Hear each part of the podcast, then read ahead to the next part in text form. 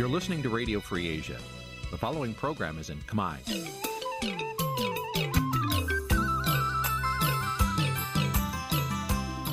នេះជាកម្មវិធីផ្សាយ Vuthu Azizi Serai នេះជាកម្មវិធីផ្សាយរបស់ Vuthu Azizi Serai ជាភាសាខ្មែរ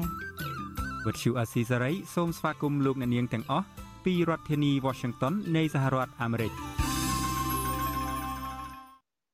បាទពីទីក្រុងមែលប៊នប្រទេសអូស្ត្រាលីខ្ញុំបាទថាថៃសូមជម្រាបសួរលោកនាងកញ្ញាដែលកំពុងតាមដានការផ្សាយផ្ទាល់របស់វិទ្យុអាស៊ីសេរីបាទខ្ញុំបាទសូមជូនកម្មវិធីផ្សាយសម្រាប់យប់ថ្ងៃពុធ13រោចខែស្រាបឆ្នាំថោះបញ្ញស័កពុទ្ធសករាជ2567ត្រូវនៅថ្ងៃទី13ខែកញ្ញាគ្រិស្តសករាជ2023បាទជាដំបូងនេះសូមអញ្ជើញលោកនាងស្ដាប់ព័ត៌មានប្រចាំថ្ងៃដែលមានមេតិការដូចតទៅ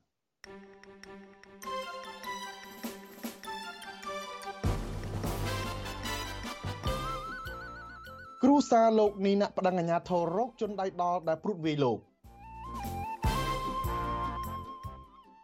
អ្នកខ្លំមើលថាកំណែតម្រង់ជ្រើសរើសក្របខណ្ឌមន្ត្រីរាជការគូអនុវត្តពីថ្នាក់ជាតិតុលាការខេត្តបន្ទាយមានជ័យចោតមន្ត្រីគណៈបកភ្លឹងទៀនចំនួន6នាក់ពីបទញុះញង់ ក្រុមអង្គការសិទ្ធិមនុស្សអន្តរជាតិស្នើក្រុមប្រឹក្សាសិទ្ធិមនុស្សអង្គការសហប្រជាជាតិអនុម័តដំណោះស្រាយជាក់លាក់លើវិបត្តិសិទ្ធិមនុស្សនៅកម្ពុជារួមនឹងព័ត៌មានសំខាន់សំខាន់មួយចំនួនទៀត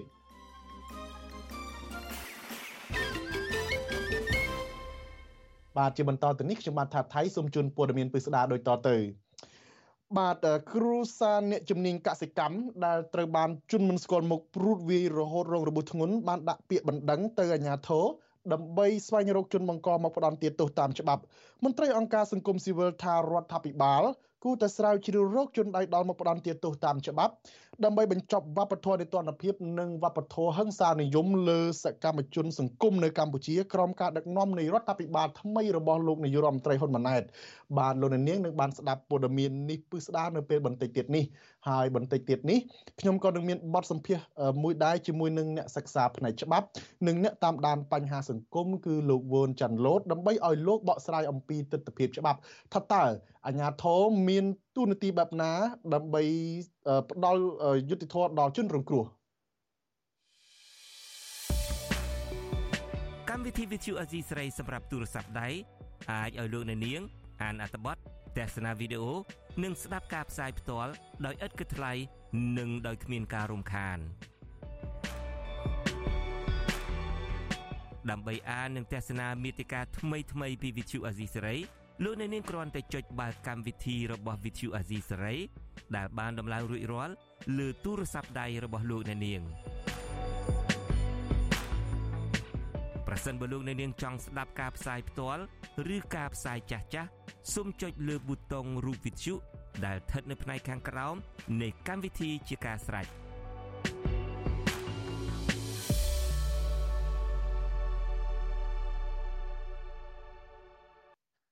បាទយើងងាកទៅចាប់អារម្មណ៍ពីរឿងតុលាការសាកសួរមន្ត្រីគណៈបកភ្លឹងទៀននៅខេត្តបន្ទាយមានជ័យវិញបាទតំណាងអัยការនៃស្រាដំបងខេត្តបន្ទាយមានជ័យបន្តសាកសួរមន្ត្រីគណៈបកភ្លឹងទៀនចំនួន6នាក់ នៅឈានដល់ថ្ងៃទី5ហើយពាក់ព័ន្ធទៅនឹងការប្រមូលស្នាមមេដៃប្រជាពលរដ្ឋបង្កើតគណៈបកថ្មីដែលជាសកម្មភាពស្របតាមច្បាប់បាទអ្នកនាំពាក្យគណៈបកភ្លើងទៀនចាត់ទុករឿងនេះថាគឺជាការធ្វើទុកបុកម្នេញផ្នែកនយោបាយបាទពីរដ្ឋធានី Washington លោកសេបណ្ឌិតរាយការណ៍ព័ត៌មាននេះមន្ត្រីជាន់ខ្ពស់គណៈបកភ្លើងទៀនអះអាងថាតុលាការបានចោទប្រកាន់សកម្មជនគណៈបកភ្លើងទៀនទាំង6នាក់ពីបទញុះញង់ អ្នកនាំពាក្យគណៈបកភ្លើងទៀនលោកកឹមសុភិរិទ្ធប្រាប់បទសុអសីស្រី នៅថ្ងៃទី13ខែកញ្ញាថាតំណាងអัยការនៃសាលាដំបងខេត្តបន្ទាយមានជ័យចោទប្រកាន់មន្ត្រីគណៈបកភ្លើងទៀនទាំងនោះថាបានយកឈ្មោះថ្នាក់ដឹកនាំរដ្ឋាភិបាល ទៅប្រើប្រាស់ក្នុងការប្រមូលស្នាមមេដៃប្រជាពលរដ្ឋដើម្បីបង្កើតគណៈបកថ្មីទោះយ៉ាងណាលោកថារឿងនេះជាការគម្រាមកំហែងផ្នែកនយោបាយច្រើនជាងការអនុវត្តច្បាប់ វាករណីនេះគឺជាការប្រព្រឹត្តខុសច្បាប់ត្រឹមកម្រិតណាមួយណាដែលយើងមិនទាន់មានអង្គហេតុគ្រប់គ្រាន់សម្រាប់ចោទប្រកាន់ទេណាដូច្នេះអត់ត្រូវទៅចាប់ខ្លួនឲ្យមកឃុំមកសម្រិតចម្លោយអីចឹងទេត្រូវមានដីកាមួយជាក់លាក់ព្រោះមនុស្សអស់ហ្នឹងសាក់មានទីលំនៅមានអីត្រឹមត្រូវនៅនឹងស្រុកឃុំអីត្រឹមត្រូវទាំងអស់ហើយក៏មិនមែនជាបាត់ល្មើសព្រមស្ទាន់ទៅប្លន់ទៅកាត់សម្លាប់គេអីដែលត្រូវខាត់ខ្លួនភ្លាមភ្លាមខ្លាចរត់អីទេណា ថ្នាក់ដឹកនាំគណៈបកភ្លើងទៀនខេត្តនេះរួមមានលោកសិនវត្ថាលោកទេពសបត្តិវឌ្ឍនោលោកឡុងឡាវី និងមនុស្សមួយចំនួនទៀតពួកគេត្រូវបានអាជ្ញាធរចាប់ខ្លួនកាលពីថ្ងៃទី8និងទី9ខែកញ្ញាដោយពុំមានដីកាពីតុលាការឡើយហើយរហូតមកដល់រសៀលថ្ងៃទី13ខែកញ្ញាមិនទាន់ដោះលែងពួកគេមកវិញនៅឡើយទេកាលពីថ្ងៃទី18ខែសីហាកន្លងទៅអតីតរដ្ឋមន្ត្រីក្រសួងមហាផ្ទៃលោកសខេង បានអនុញ្ញាតឲ្យបង្កើតគណៈបកបញ្ញាទំនើបតាមការស្នើសុំរបស់តំណាងស្ថាបនិកគណៈបកនេះគឺលោកអឹមសូនិត ដែលជាអតីតប្រធានក្រុមការងារគណៈបកភ្លើងទៀនខេត្តប្រសែននោះប៉ុន្តែដើម្បីទទួលបានសុពលភាពនិងអាចធ្វើសកម្មភាពដោយស្របច្បាប់ក្នុងរយៈពេល180ថ្ងៃបន្ទាប់ពីបង្កើតរួចហើយនោះគណៈបកនេះត្រូវរៀបចំ និងបំពេញលក្ខខណ្ឌស្នើសុំចុះបញ្ជីនៅក្រសួងមហាផ្ទៃ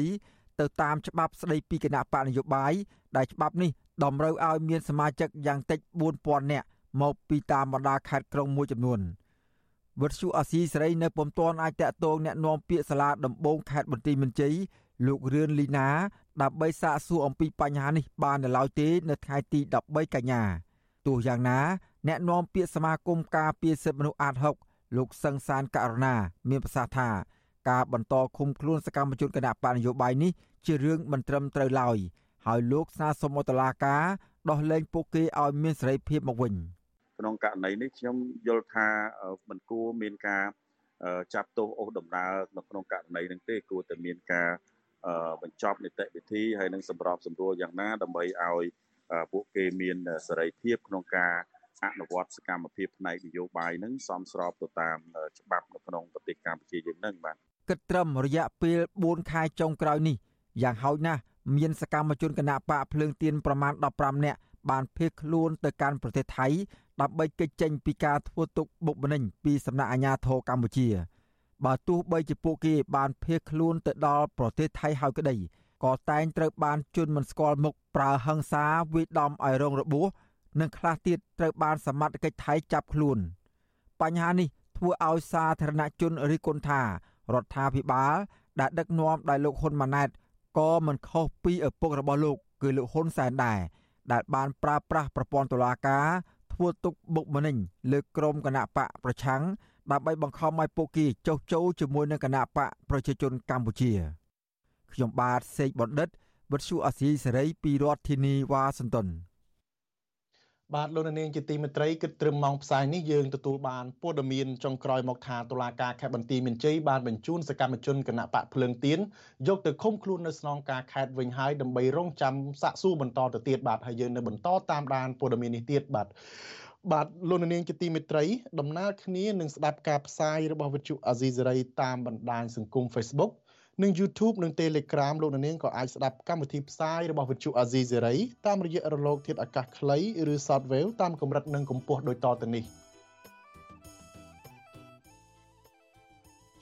បាទពេលព្រឹកចាប់ពីម៉ោង5កន្លះដល់ម៉ោង6កន្លះតាមរយៈប៉ុស SW 12.14 MHz ស្មើនឹងកម្ពស់ 25m និងប៉ុស SW 13.71 MHz ស្មើនឹងកម្ពស់ 22m ពេលយប់ចាប់ពីម៉ោង7កន្លះដល់ម៉ោង8កន្លះ តាមរយៈរលកធាតុអាកាសខ្លី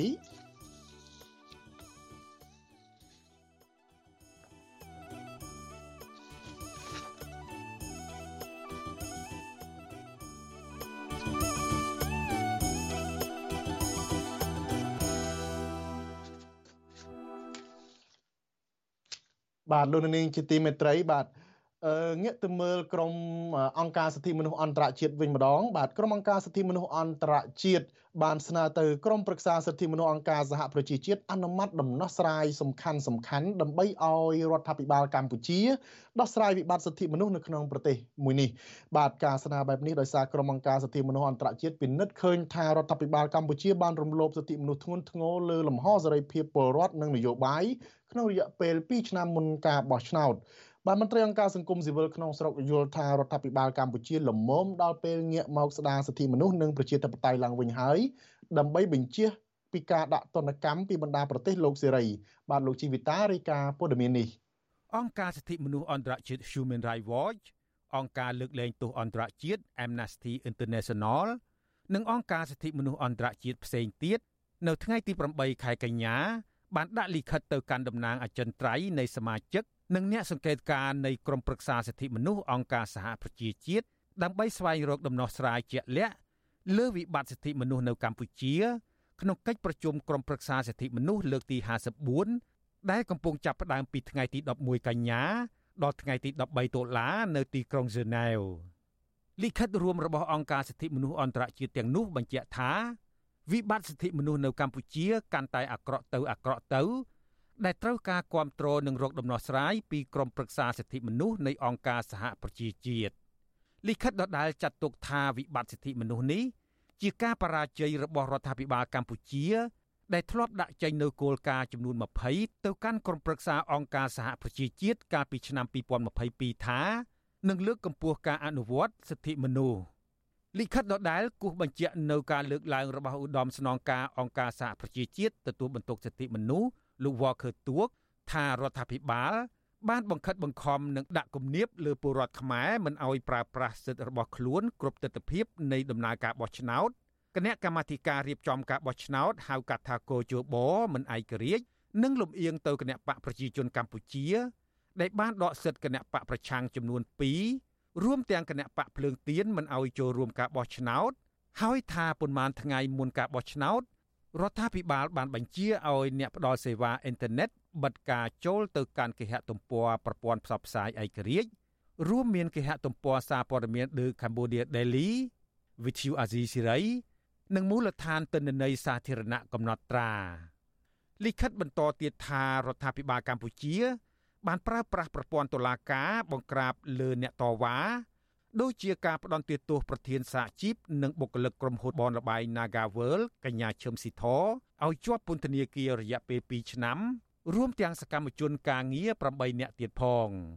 តុលាការក៏បានកាត់ទោសអ្នកការពារសិទ្ធិដីធ្លី10នាក់នៅខេត្តកោះកុងការផ្ដន់ទោសដាក់ពន្ធនាគារ27ឆ្នាំទៅលើមេដឹកនាំគណៈបកប្រឆាំងលោកកឹមសុខា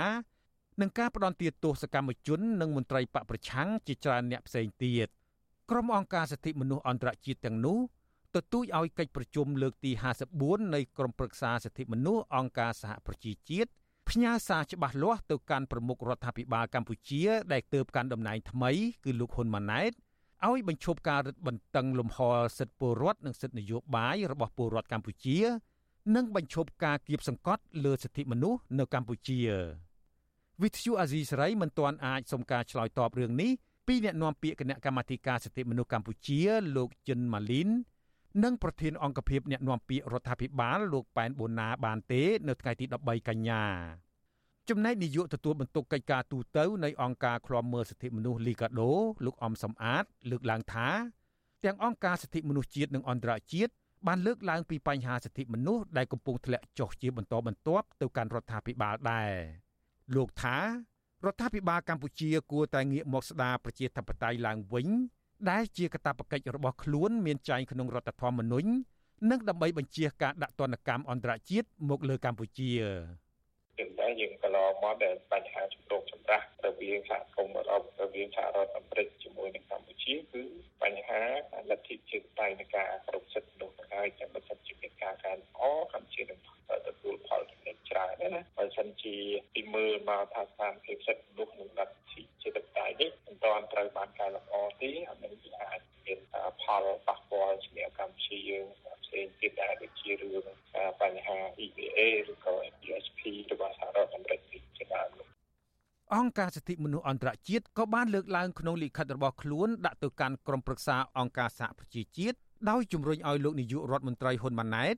ដែលនឹងទៅចូលរួមក្នុងសម័យប្រជុំលើកទី54នៃមហាសន្និបាតអង្គការសហប្រជាជាតិនៅបូរីញូវយ៉កនាពេលខាងមុខនេះត្រូវឆ្លើយតបដោយម៉ឺងម៉ាត់និងច្បាស់លាស់ដើម្បីប្រឆាំងនឹងការរំលោភសិទ្ធិមនុស្សនៅកម្ពុជាខ្ញុំជីវិតាអាស៊ីសេរី បាទលោកនាងជាទីមេត្រីគ្រូសាអ្នកជំនាញកសិកម្មដែលត្រូវជន់មិនស្គាល់មុខព្រួតវាយរហូតរងរបួសធ្ងន់ដាក់ពាក្យបណ្ដឹងទៅអាជ្ញាធរដើម្បីស្វែងរកជនបង្កមកផ្ដន់ទោសតាមច្បាប់ មន្ត្រីអង្គការសង្គមស៊ីវិលថារដ្ឋាភិបាលគូតែស្រាវជ្រាវរោគជនដៃដល់មកផ្ដន់ទោសតាមច្បាប់ដើម្បីបញ្ចប់វប្បធម៌នៃទណ្ឌភាពនិងវប្បធម៌ហិង្សានិយមលើសកម្មជនសង្គមនៅកម្ពុជាក្រោមការដឹកនាំនៃរដ្ឋាភិបាលថ្មីរបស់លោកហ៊ុនម៉ាណែតបាទសូមស្ដាប់សេចក្តីរាយការណ៍របស់លោកទីនសការីយ៉ាដូចតទៅមួយថ្ងៃក្រោយពីហេតុការណ៍វាប្រហារកើតឡើង គ្រូសាលោកនីណាបានដាក់ពាក្យប្តឹងទៅកាន់សមត្ថកិច្ចដើម្បីស្វែងរកជនដែលដល់មកប្រំទាទោសនៅថ្ងៃទី13កញ្ញានេះ ការដាក់ពាក្យប្តឹងនេះនៅស្របពេលសមត្ថកិច្ចបានទៅសាកសួរពីរឿងរ៉ាវកើតឡើងដល់មន្ត្រីពេទ្យដែលលោកនីណាកំពុងតែសម្រាប់ព្យាបាលគ្រូសាលោកនីណាអះអាងថា ស្ថានភាពរបួសរបស់លោកនីណាមិនគួរឲ្យព្រួយបារម្ភទៀតឡើយក្រោយពីក្រុមគ្រូពេទ្យបានថតស្កែនផ្នែកក្បាលរួចមកលទ្ធផលបង្ហាញថា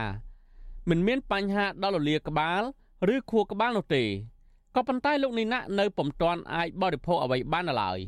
ហើយនៅតែឈឺចាប់ត្រង់របួសក្បាលភ្នែកដៃនិងជើងប្រពន្ធលោកនីណាគឺលោកស្រីសុកស៊ីណែតប្រាប់វិទ្យុអាស៊ីសេរីថា ស្ថានភាពរបួសប្តីលោកស្រី បានធូរប្រសើរឡើងវិញហើយ ហើយលោកស្រីវិញ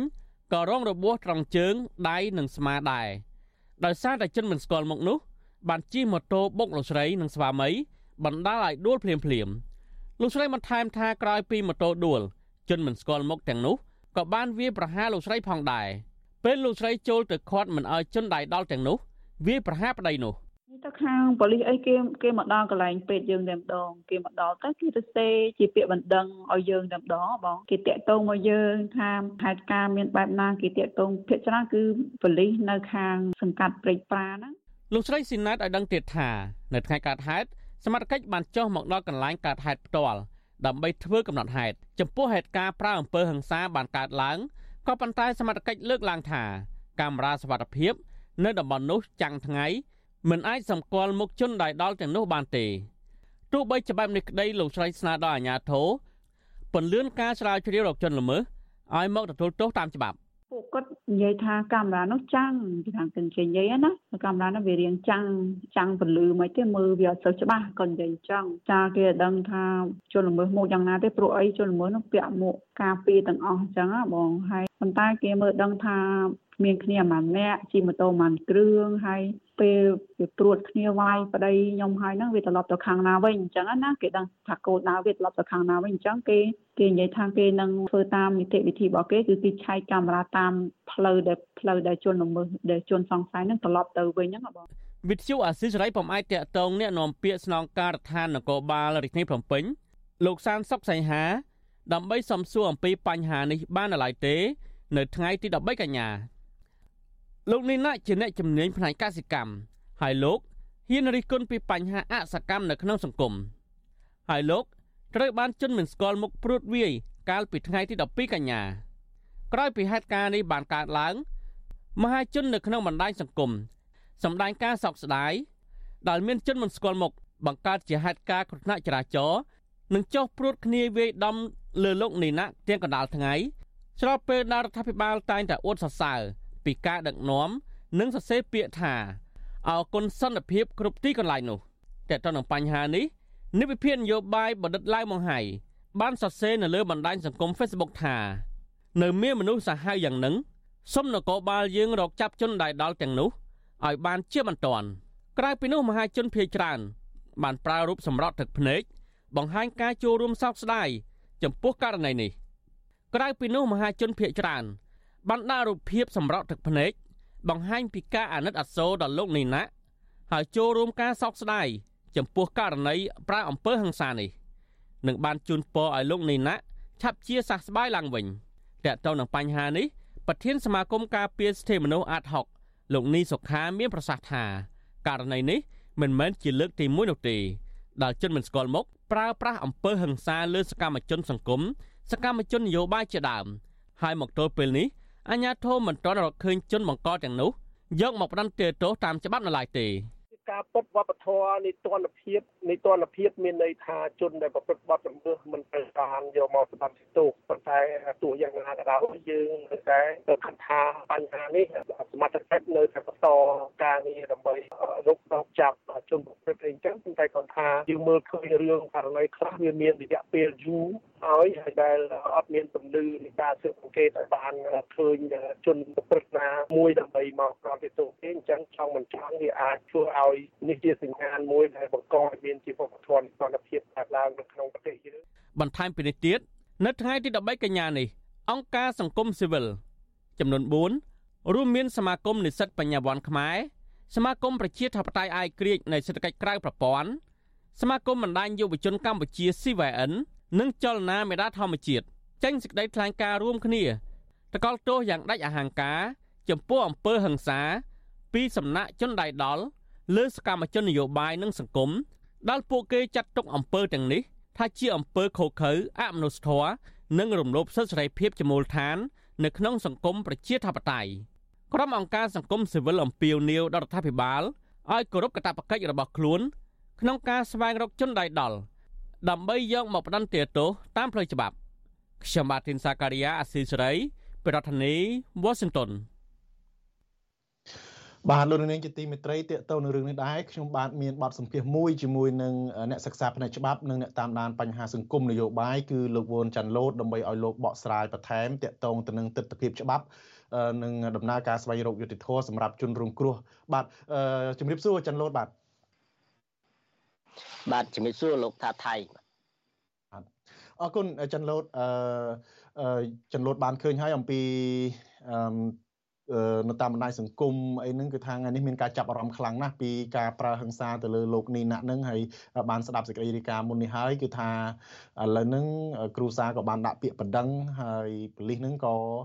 អឺបានទទួលពាក្យបណ្ដឹងនិងបានទៅ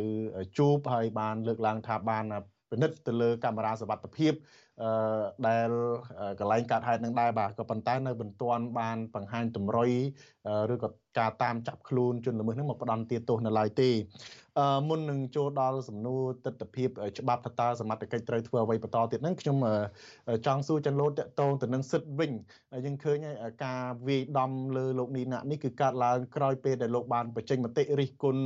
ទៅលើ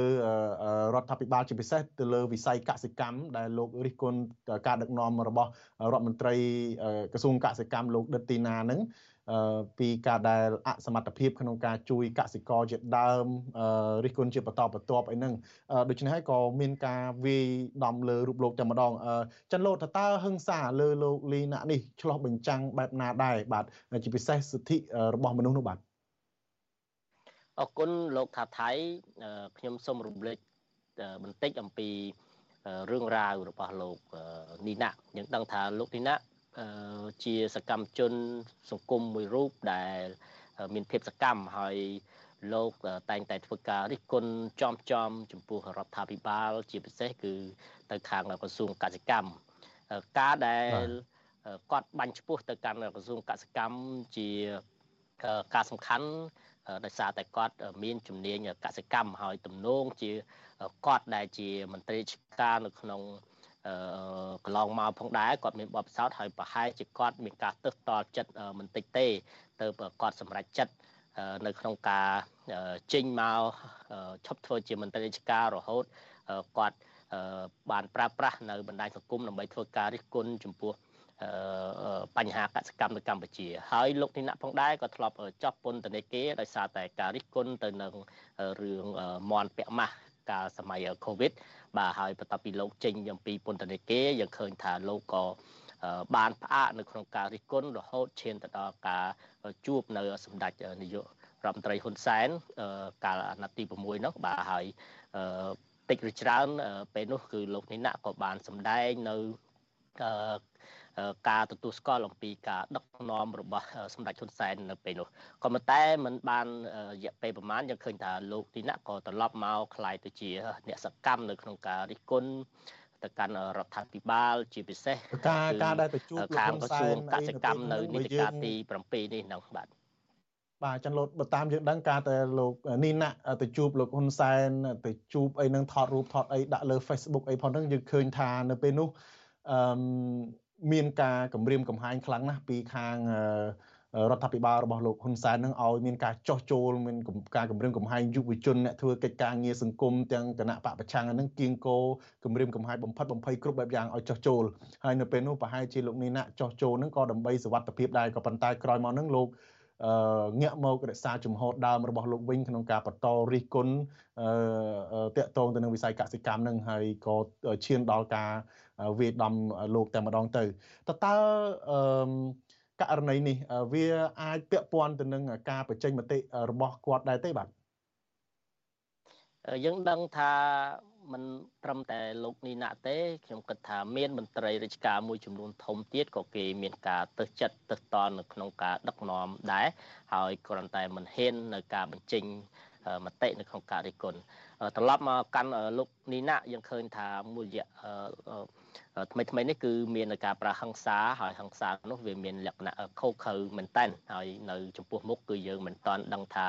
អ្នកណានៅពីក្រោយនៃអំពើហិង្សាអំពើហិង្សានេះវាកើតឡើងដោយសារតែទំនាស់បុគ្គលឬក៏កើតឡើងចេញអំពីភាពសកម្មនៃការរិះគន់ចំពោះការដឹកនាំរបស់រដ្ឋាភិបាលរបស់គាត់ឬយ៉ាងណាទេក៏ប៉ុន្តែជារឿយរឿយយើងឃើញមាននៅអំពើហិង្សានេះកើតឡើងចំពោះសកម្មជនចំពោះ អ្នកធ្វើការក្នុងសង្គមស៊ីវិលហើយមិនត្រឹមតែនៅក្នុងប្រទេសទេសូម្បីតែអ្នកខ្លះគាត់ទៅដល់ប្រទេសកូរ៉េគាត់ទៅដល់ប្រទេសថៃក៏ដោយក៏ឃើញមានការកាត់ឡើងនៅអំពើហិង្សាពីសំណាក់ជនបង្កជនអនាមិកនៅក្រៅប្រទេសនឹងថែមទៅទៀតហើយតែយើងឃើញថានៅក្នុងប្រទេសនេះករណីថ្មីចុងក្រោយហើយតាមពិតនៅក្នុងថ្ងៃតែមួយនោះក៏មាននៅករណីការវាយ ការប៉ះហង្សាមួយទៀតដែរទៅលើសកម្មជនទៅលើអ្នកនយោបាយរបស់គណៈបកភ្លើងទៀនបាទក៏ប៉ុន្តែមិនសូវមានការផ្សាយអញ្ចឹងគឺមាននៅអង្គើហង្សានឹងដូចគ្នាបាទប៉ុន្តែក្នុងករណីនេះគឺខ្ញុំសូមរំលឹកទៅនឹងរឿងករណីលោកនីណាហើយដូចយើងបានដឹងទាំងអស់គ្នាថាឲ្យតែពាក់ព័ន្ធទៅនឹងបញ្ហាអង្គើហង្សាជាមួយនឹងអ្នកដែលរិះគន់រដ្ឋាភិបាល យើងកម្រនឹងឃើញមាននៅការផ្ដល់យុទ្ធធរឬក៏ការស្រាវជ្រាវដើម្បីយកជនបង្កយកមកផ្ដន់ទាទោសណាស់ហើយករណីលោកនេះដាក់នេះបើយើងមើលទៅលើបញ្ហាផ្លូវច្បាប់វាមានទស្សនវិជ្ជា2ប៉ិតនៅក្នុងការធាក់ម៉ូតូផ្ដួលផ្ដួលហើយវាយឲ្យមានរបួសធ្ងន់នេះមិនមែនជារឿងកាត់ឡើងដោយចៃដន្យទេបើយើងមើលអំពីទម្រង់នៃបទល្មើសនេះគឺថាមានការរៀបចំ ផែនការច្បាស់លាស់ហើយអ្នកដែលមកប្រើប្រាស់អំពើហិង្សាគឺសុទ្ធតែជាអ្នកដែលបានត្រៀមខ្លួនរួចរាល់នៅក្នុងការ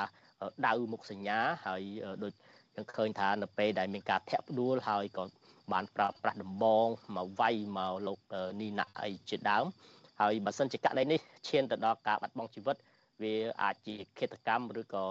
ជាអំពើ សម្រាប់មនុស្សដោយ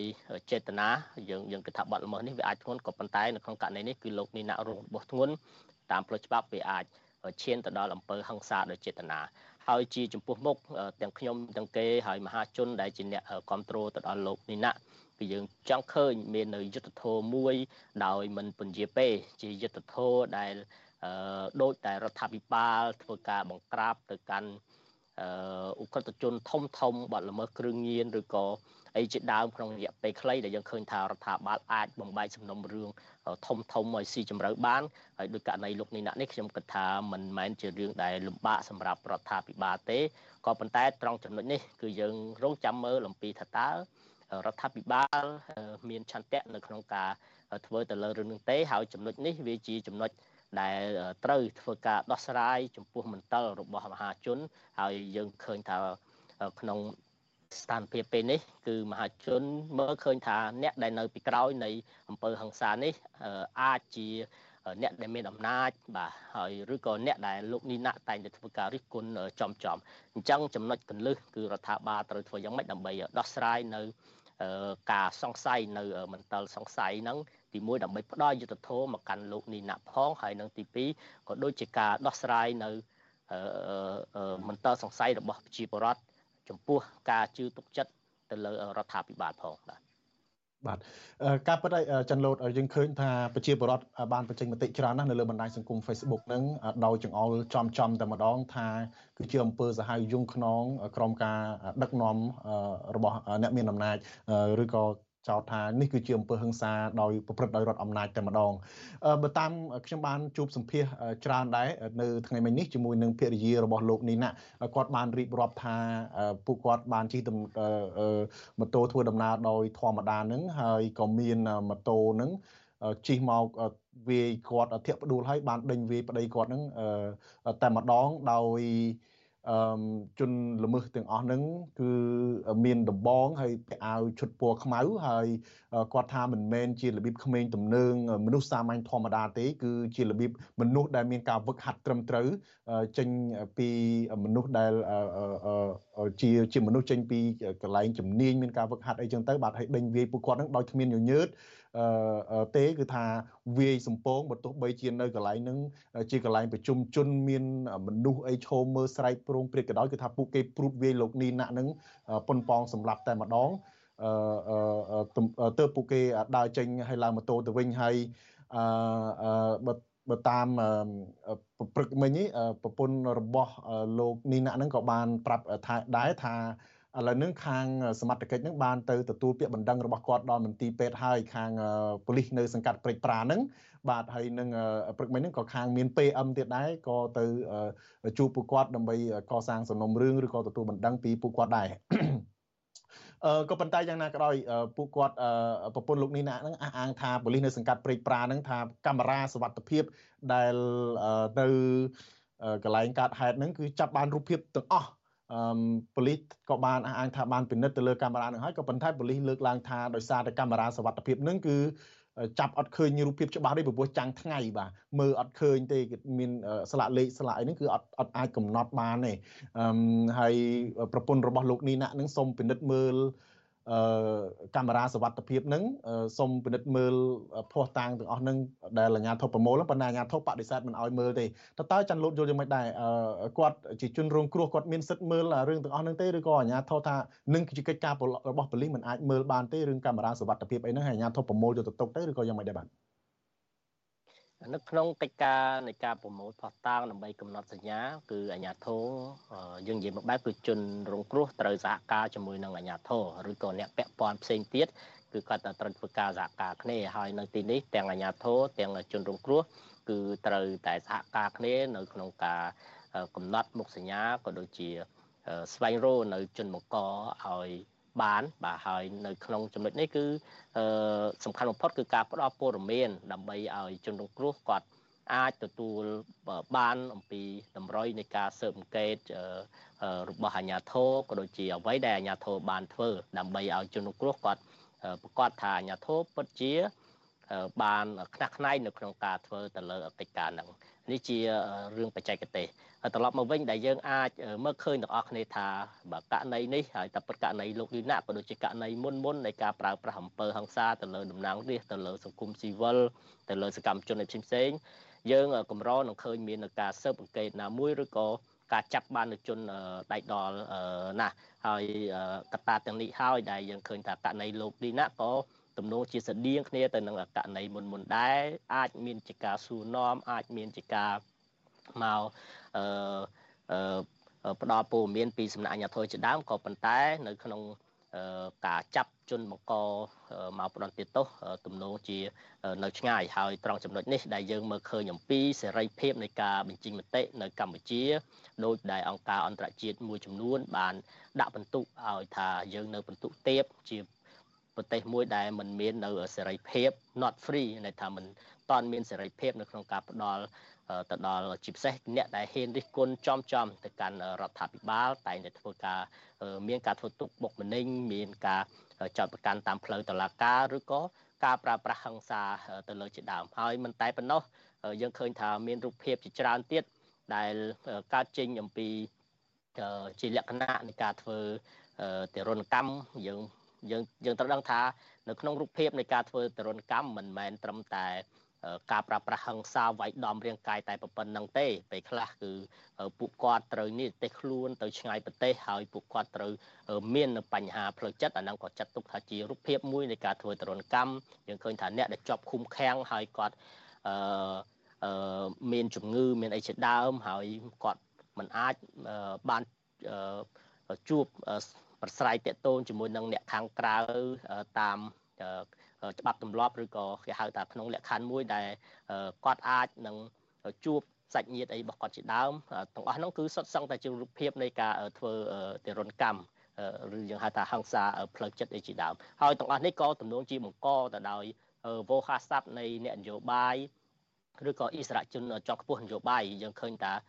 កន្លងមកអ្នកនយោបាយជាពិសេសអ្នកដែលគាត់មានអត្ត ពលសម្ដីរបស់គាត់មានតកមាត់ប្រៃភាសានៅលើឆាតរបស់គាត់តែងតែបង្កប់នៅលក្ខណៈហិង្សាចំណុចនេះហើយដែលយើងឃើញថាអំពើហិង្សាចំពោះសកម្មជន ចំពោះអ្នកនយោបាយប្រឆាំងចំពោះសង្គមស៊ីវិលទំនងជានឹងពិបាកថាមានភាពធូរស្រាលណាស់ហើយអ្វីទាំងអស់នេះដែលយើងដែលយើងដាក់បានដាក់ក្តីក្តីសង្ឃឹមថារដ្ឋាភិបាលអាណត្តិទី7អាចនឹងមាននៅ ភាពធូរស្រាលចំណុចនេះប៉ុន្តែជាក់ស្ដែងជាលទ្ធផលមិនតាន់បានប្រមាណផងក៏ឃើញមាននៅរូបភាពអវិជ្ជមានកាត់ឡើងបដាបដាខ្លះហើយបាទ អរគុណចន្ទលូតថាតើចន្ទលូតយល់ឃើញថាសមត្ថកិច្ចឬក៏ប៉ូលីសនឹងគូតែបំពេញទូនាទីរបស់ខ្លួនបែបម៉េចទេក្នុងការស្វែងរកស៊ើបអង្កេតឲ្យមកបង្ហាញដើម្បីឲ្យជនរងគ្រោះឬក៏សាធារណជនអស់ចិត្តចំពោះរឿងនេះពីព្រោះមានការចាត់ប្រកាន់ថាវាអាចជាការប្រព្រឹត្តឡើងដោយអាជ្ញាធររដ្ឋជាហិង្សានយោបាយតែម្ដងដើម្បីបំបិតកុំឲ្យមានការរិះគន់នឹងតើចន្ទលូតយល់ឃើញថា អាញាធរគូតែស៊ើបអង្កេតបង្ហាញបែបណាដែរដើម្បីឲ្យគេជឿទុកចិត្តបានហើយរដ្ឋាភិបាលគូដោះស្រាយរឿងនេះបែបណាដែរដើម្បីបញ្ចប់រឿងនេះកុំឲ្យមានតទៅទៀតពីព្រោះថាវាមិនមែនជារឿងថ្មីទេមកដល់ពេលនេះនឹងយ៉ាងហោចណាស់ក៏មានមនុស្សប្រមាណ50នាក់ទៅហើយបានរងការវាយដំដែលមានទម្រង់ប្រហាក់ប្រហែលគ្នាគឺការធាក់ម៉ូតូផ្ដួលហើយជនល្មើសដែលពាក់ សម្លៀកបំពាក់ឈុតខ្មៅនឹងបានវាយដំហើយសិតទៅជាមនុស្សពេញកម្លាំងដែលមានការវឹកហាត់ត្រឹមត្រូវហើយមិនមែនជាក្មេងអីទេប៉ុន្តែអាញាធរតែងតែចាត់ទុកជារឿងធម្មតាហើយពេលខ្លះនឹងគ្មានការស៊ើបអង្កេតនឹងថែមទាំងបន្ទោសជនរងគ្រោះនឹងថាមិនសហការថែមទៀតក៏ប៉ុន្តែបើទោះបីជាជនរងគ្រោះបានដាក់ពាក្យបណ្ដឹងអីយ៉ាងណាក៏ដោយក៏មិនដែលរកឃើញទេតើតើរឿងនេះគូដោះស្រាយបែបណាដែរបាទរឿងចំពោះមុខដែលអាច ដោះស្រាយនៅមន្ទិលឬក៏ការសង្ស័យឬក៏ការចាត់ប្រកាន់ទៅលើរដ្ឋាភិបាលគឺមានតែការចាប់ជនដៃដល់ដាក់មកផ្ដន់ទោសតាមច្បាប់ហើយករណីនេះដែលយើងឃើញថារដ្ឋាភិបាលតែងតែលើកឡើងអំពីសន្តិភាពហើយជាគោលដៅនៃការដឹកនាំរបស់រដ្ឋាភិបាលគឺដើម្បីសន្តិភាពក៏ប៉ុន្តែខ្ញុំសូមបញ្ជាក់បន្តិចថាសន្តិភាព ដែលគ្មាននៅសេរីភាព សន្តិភាព ដែលគ្មាននៅយុត្តិធម៌វាគ្រាន់តែជាសន្តិភាពមួយដំណាក់កាល ឬក៏មួយរយៈពេលខ្លីប៉ុណ្ណោះហើយអ្វីដែលចំពោះមុខគឺរដ្ឋាភិបាលត្រូវតែធ្វើយ៉ាងម៉េចលើកកម្ពស់នៅសេរីសិទ្ធិសេរីភាពលើកកម្ពស់នៅយុត្តិធម៌សង្គមហើយយើងមិនបដិសេធទេក្នុងសង្គមណាក៏ដូចសង្គមណាវាតែងតែមានហើយបាតុភូតសង្គមមានចោលប្លន់មានអីក៏ប៉ុន្តែក្នុងនាមជារដ្ឋក្នុងនាមជាអាជ្ញាធរគឺយើងត្រូវតែឈរទៅខាងសេចក្តីល្អ មានន័យថាយើងត្រូវតែឈរការពារជាមួយសេចក្តីល្អហើយ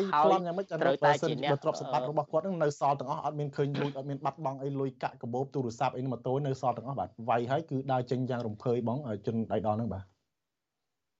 កន្លែងហ្នឹងហើយដែលយើងចង់ឃើញមាននៅ ចំណាត់ការជាក់លាក់មានការស្រាវជ្រាវរោគជនបង្កឲ្យបានជាក់លាក់យកមកផ្ដន់ទាទោសដើម្បីជាការផ្ដល់យុទ្ធធម៌ជូនចំពោះជនរងគ្រោះផងហើយជាពិសេសយើងចង់ឃើញថារដ្ឋាភិបាលគឺពិតជារដ្ឋាភិបាលដែលឈរជាមួយនឹងយុទ្ធធម៌សង្គមដែលឈរជាមួយនឹងពលរដ្ឋស្លូតត្រង់ហើយគឺត្រូវតែកម្ចាត់រាល់សកម្មភាពអវិជ្ជមានដែលបង្កការរងគ្រោះទៅដល់ប្រជាពលរដ្ឋនៅក្នុងសង្គមនោះបាទ បាទអរគុណច័ន្ទលូតដែលបានចូលរួមជាមួយយើងនៅរាត្រីនេះបាទសូមអរគុណហើយសូមជូនពរមានសុវត្ថិភាពបាទអរគុណសូមជម្រាបលាបាទអរគុណលោកថាថៃបាទបាទបាទលោកនាងជាទីមេត្រីឥឡូវនេះយើងមិនទាន់តាឆ្ងាយអំពីរឿងនយោបាយ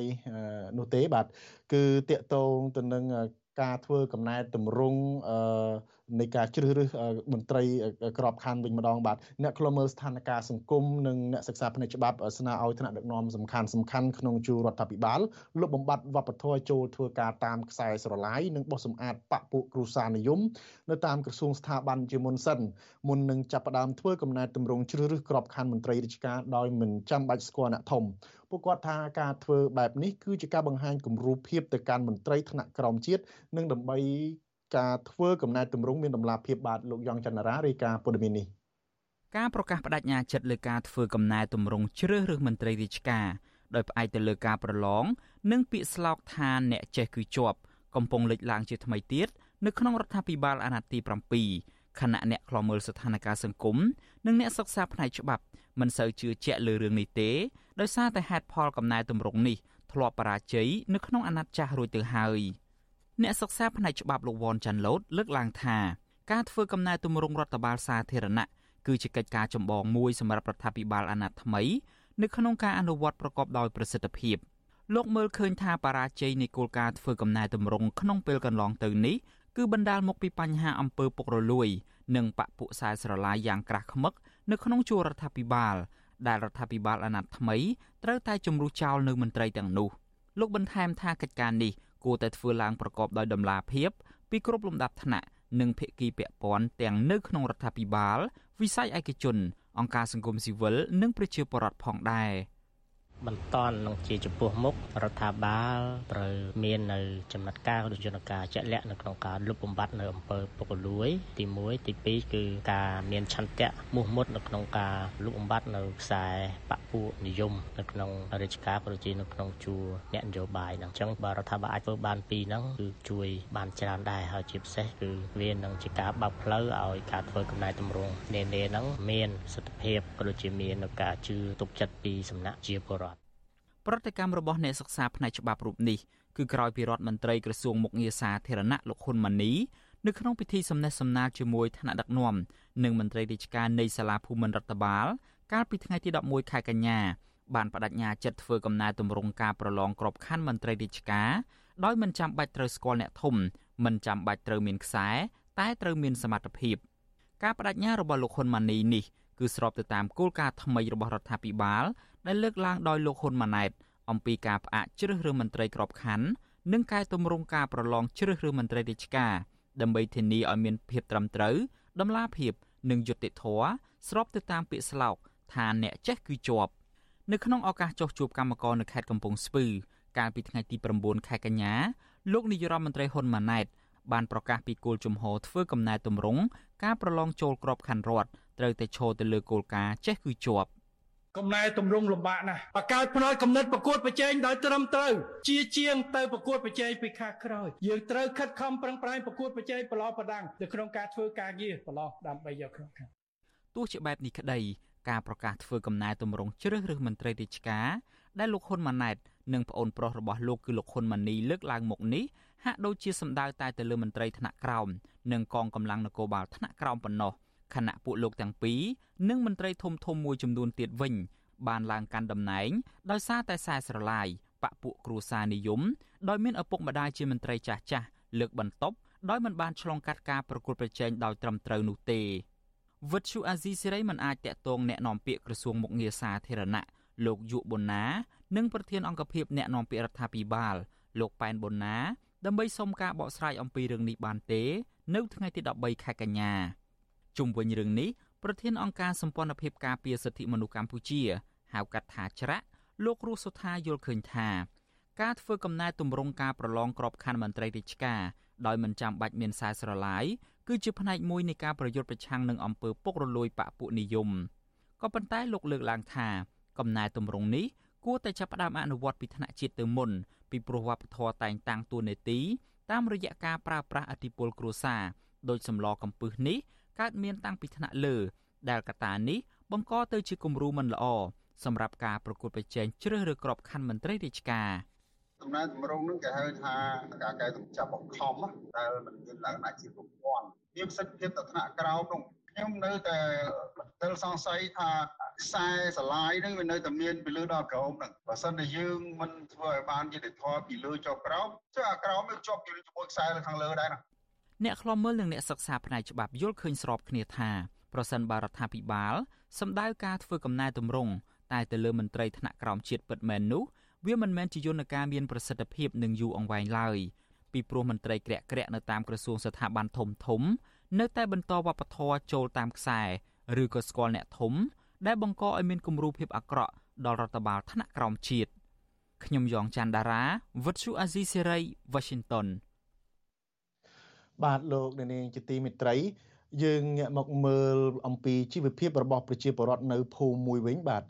ទំគឺភូមិនេសាទនៅភូមិបាក់ព្រាបាទទំនប់ស្ទាក់ទឹកស្ទឹងសង្កែក្នុងខេត្តបាត់ដំបងកំពុងផ្លាស់ប្ដូរវាសនារបស់ប្រជាពលរដ្ឋនៅក្នុងភូមិនេសាទមួយនៃស្រុកឯកភ្នំ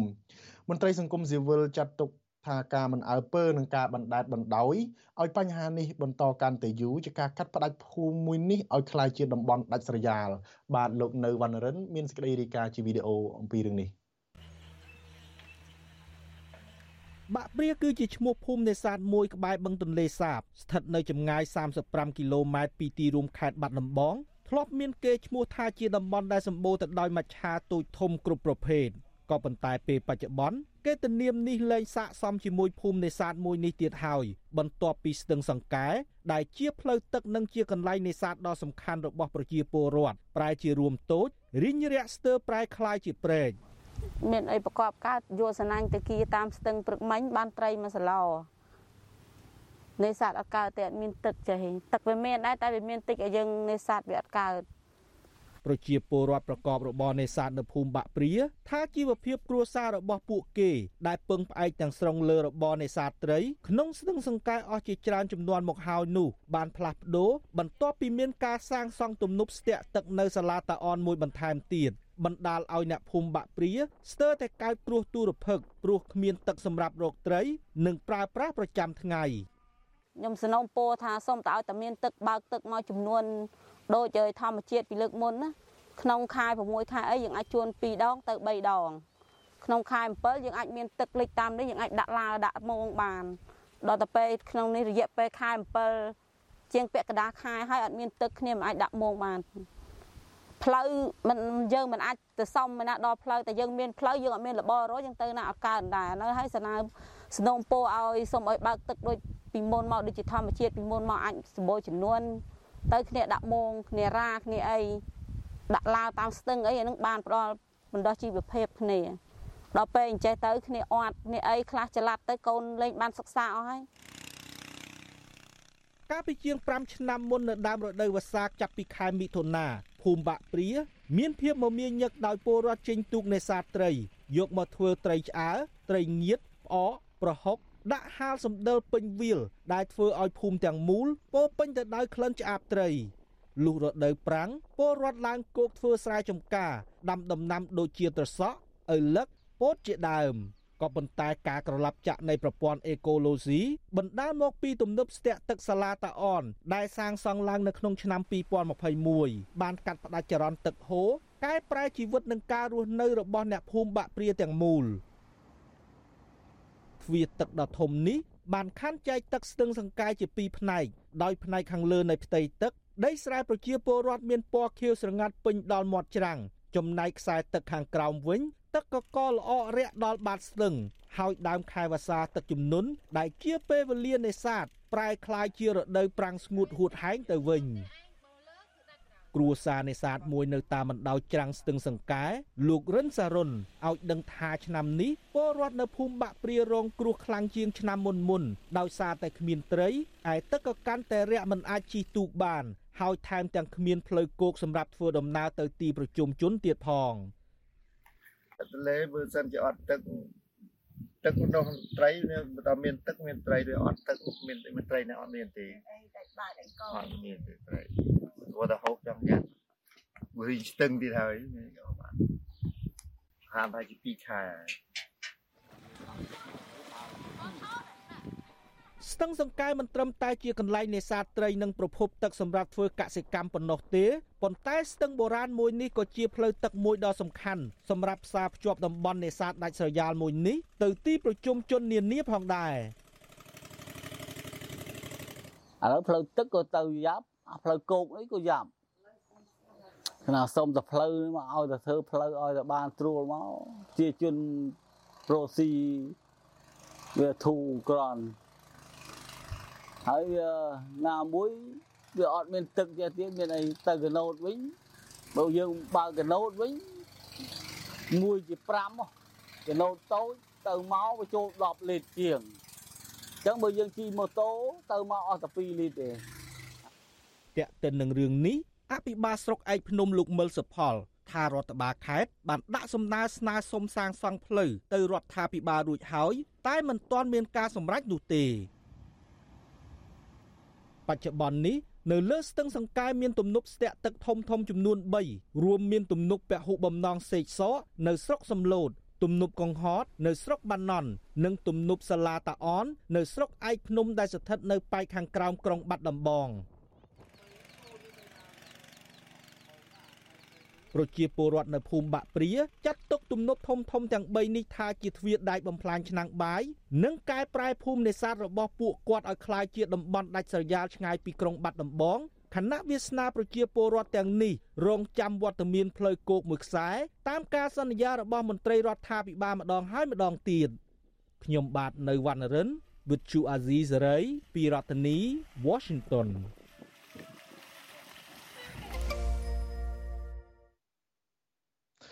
បាទក្រៅពីប្រជាពលរដ្ឋនៅភូមិបាក់ព្រាជួបបញ្ហាលំបាកនេះបាទប្រជាពលរដ្ឋនៅតំបន់ផ្សេងទៀតក៏ជួបបញ្ហាប្រឈមនឹងជីវភាពដូចគ្នាដែរបាទប្រជាពលរដ្ឋក្រីក្ររស់នៅលើដីឯកជនដែលគេទុកចោលនៅក្នុងខេត្តសៀមរាបបារម្ភពីការបណ្តេញចេញខណៈដែលពួកគាត់ពុំមានទីលំនៅច្បាស់លាស់សម្រាប់ជ្រកកោននៅឡើយបាទមន្ត្រីសង្គមស៊ីវិលថាអាញាធរពពាន់គូតែរោគដំណោះស្រាយជូនពួកគាត់តាមរយៈការផ្ដោតដីសម្បត្តិសង្គមគិច្ច ដែលអាចសាងសង់ទីលំនៅសមរម្យជូនពួកគាត់បាទអ្នកស្រីសុជីវីរាយការណ៍ព័ត៌មាននេះពលរដ្ឋជិត20គ្រួសារនេះកំពុងរស់នៅលើដីជួល នៅតាមផ្លូវបេតុងដែលទើបនឹងសាងសង់បានជិត1ឆ្នាំ ស្ថិតនៅក្នុងភូមិធ្លកអណ្ដូងសង្កាត់ស្លក្រាមក្រុងសៀមរាបពួកគាត់បារម្ភពីការបណ្តេញចេញព្រោះម្ចាស់ដី កំពុងប្រកាសដាក់លក់ដីទាំងនោះ។ ពួកគាត់ស្នើដល់អាជ្ញាធរពាក់ព័ន្ធជួយរកដំណោះស្រាយ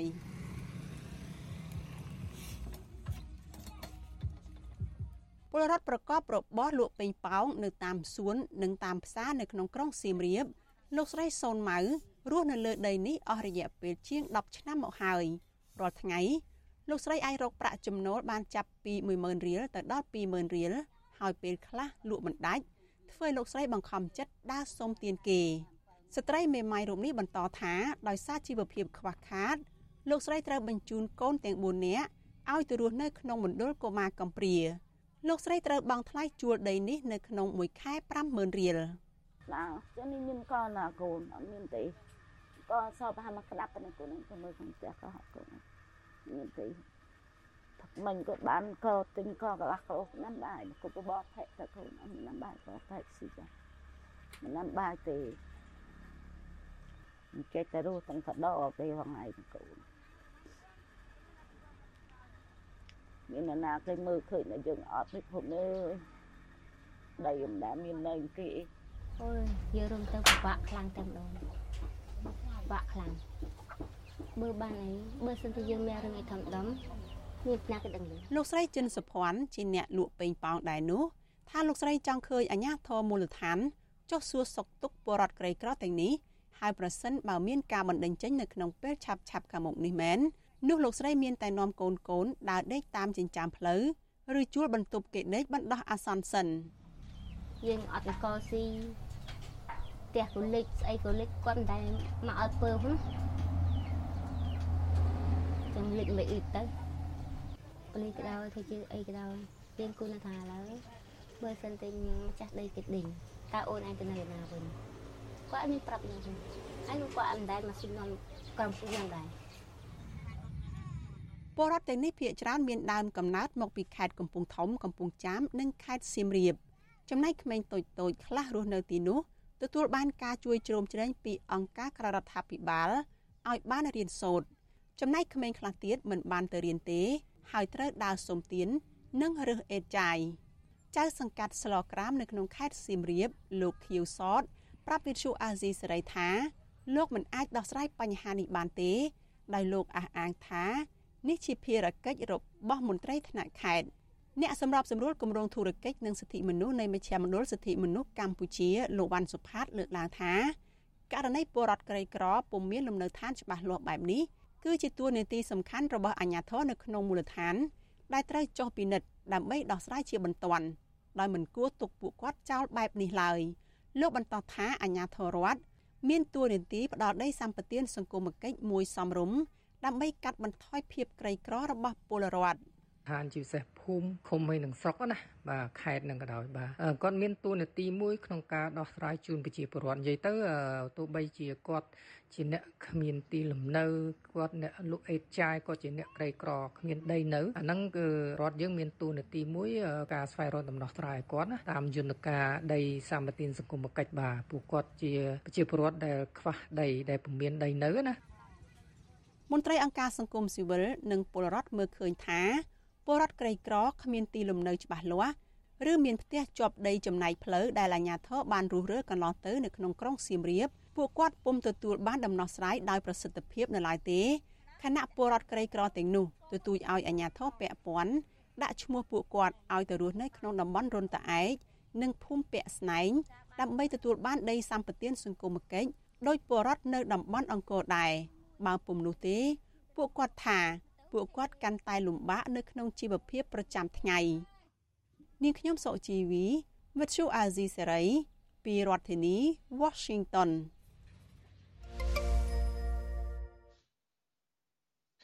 បាទគណៈប្រតិភូសហភាពអឺរ៉ុបនិងបណ្ដាស្ថានទូតជាច្រើនរួមមានស្ថានទូតឆែកហ្វាំងឡង់បារាំង អាល្លឺម៉ង់ហុងគ្រីអ៊ីតាលីនិងស៊ុយអែតបានរួមសហការគ្នារៀបចំកម្មវិធីពិព័រណ៍ឧត្តមសិក្សាសហភាពអឺរ៉ុបនៅថ្ងៃទី13កញ្ញាសម្រាប់យុវជននិងបញ្ញវន្តខ្មែរដែលចាប់អារម្មណ៍ស្វែងរកអាហារូបករណ៍និងចង់បន្តការសិក្សានៅសាកលវិទ្យាល័យនៅសហភាពអឺរ៉ុបសេចក្តីប្រកាសព័ត៌មានរបស់សហភាពអឺរ៉ុបឲ្យដឹងថាមានសិស្សនិស្សិតប្រមាណជាង350នាក់មកពីវិទ្យាល័យនិងសាកលវិទ្យាល័យឯកជននិងរដ្ឋ ប្រមាណ20ស្ថាប័នបានមកចូលរួមទស្សនាការតាំងពិព័រណ៍នៅថ្ងៃទី13ខែកញ្ញានេះវត្តមានរបស់ពួកគេលើកនេះមានចំនួនច្រើនទ្វេដង កាលពីរៀបចំលើកដំបូងនៅឆ្នាំ2022ឯកអគ្គរដ្ឋទូតសហភាពអឺរ៉ុបប្រចាំកម្ពុជាលោក Igor Tryman គូសបញ្ជាក់ថាវិស័យអប់រំគឺជាឧបករណ៍សំខាន់បំផុតសម្រាប់ផ្ដល់អំណាចដល់មនុស្សគ្រប់គ្រប់គ្នា សហភាពអឺរ៉ុបបានគ្រប់គ្រងវិស័យអប់រំនៅកម្ពុជាជាង20ឆ្នាំមកហើយលោកបន្តថាការតាំងពិព័រណ៍នៅថ្ងៃនេះគឺជាឱកាសដ៏វិសេសវិសាលសម្រាប់យុវជនកម្ពុជា ដែលចង់បន្តការសិក្សានៅសហភាពអឺរ៉ុបអាហារូបករណ៍សហភាពអឺរ៉ុបផ្ដល់ដោយកម្មវិធី Erasmus Erasmus Bus សំទោសកម្មវិធី Erasmus Book ដែលទទួលបានជំនួយសប្បុរសពីសមាជិកប្រទេសក្នុងសហភាពអឺរ៉ុបដើម្បីគ្រប់គ្រងវិស័យអប់រំ ការហ្វឹកហ្វឺននិងកីឡាដែលមានថវិកាសរុបប្រមាណជាង26,000លានអឺរ៉ូឬស្មើប្រមាណនឹង28,000លានដុល្លារសម្រាប់ឆ្នាំ2021ដល់ឆ្នាំ2027តាមរយៈកម្មវិធីនេះសហភាពអឺរ៉ុបបានលើកកម្ពស់គុណភាពវិស័យអប់រំខ្ពស់ ដោយផ្ដល់ឱកាសឲ្យមានការផ្លាស់ប្ដូរអឺផ្លាស់ប្ដូរសិក្សារបស់គ្រូបង្រៀននិងសិស្សនៃប្រទេសកម្ពុជានិងសហភាពអឺរ៉ុបរយៈពេល3ឆ្នាំចុងក្រោយនេះគឺចាប់ពីឆ្នាំ2020ដល់ឆ្នាំ2022មានសិស្សនិស្សិតខ្មែរចំនួន120នាក់និងគ្រូបង្រៀន60នាក់បានទៅសិក្សានៅសាកលវិទ្យាល័យនានានៅសហភាពអឺរ៉ុប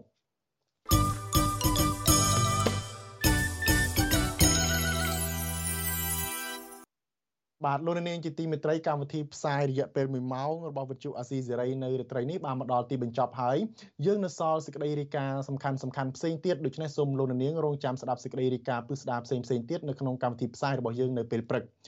បាទយើងខ្ញុំសូមជូនពរដល់លោកនាងនិងក្រុមគ្រួសារទាំងអស់ឲ្យជួបប្រកបតែនឹងសេចក្តីសុខចម្រើនរុងរឿងកុំបីឃ្លៀងឃ្លាតឡើយខ្ញុំបាទថាថៃព្រមទាំងក្រុមការងារទាំងអស់នៃវិទ្យុអាស៊ីសេរីសូមអរគុណនិងសូមជម្រាបលារាត្រីសួស្តី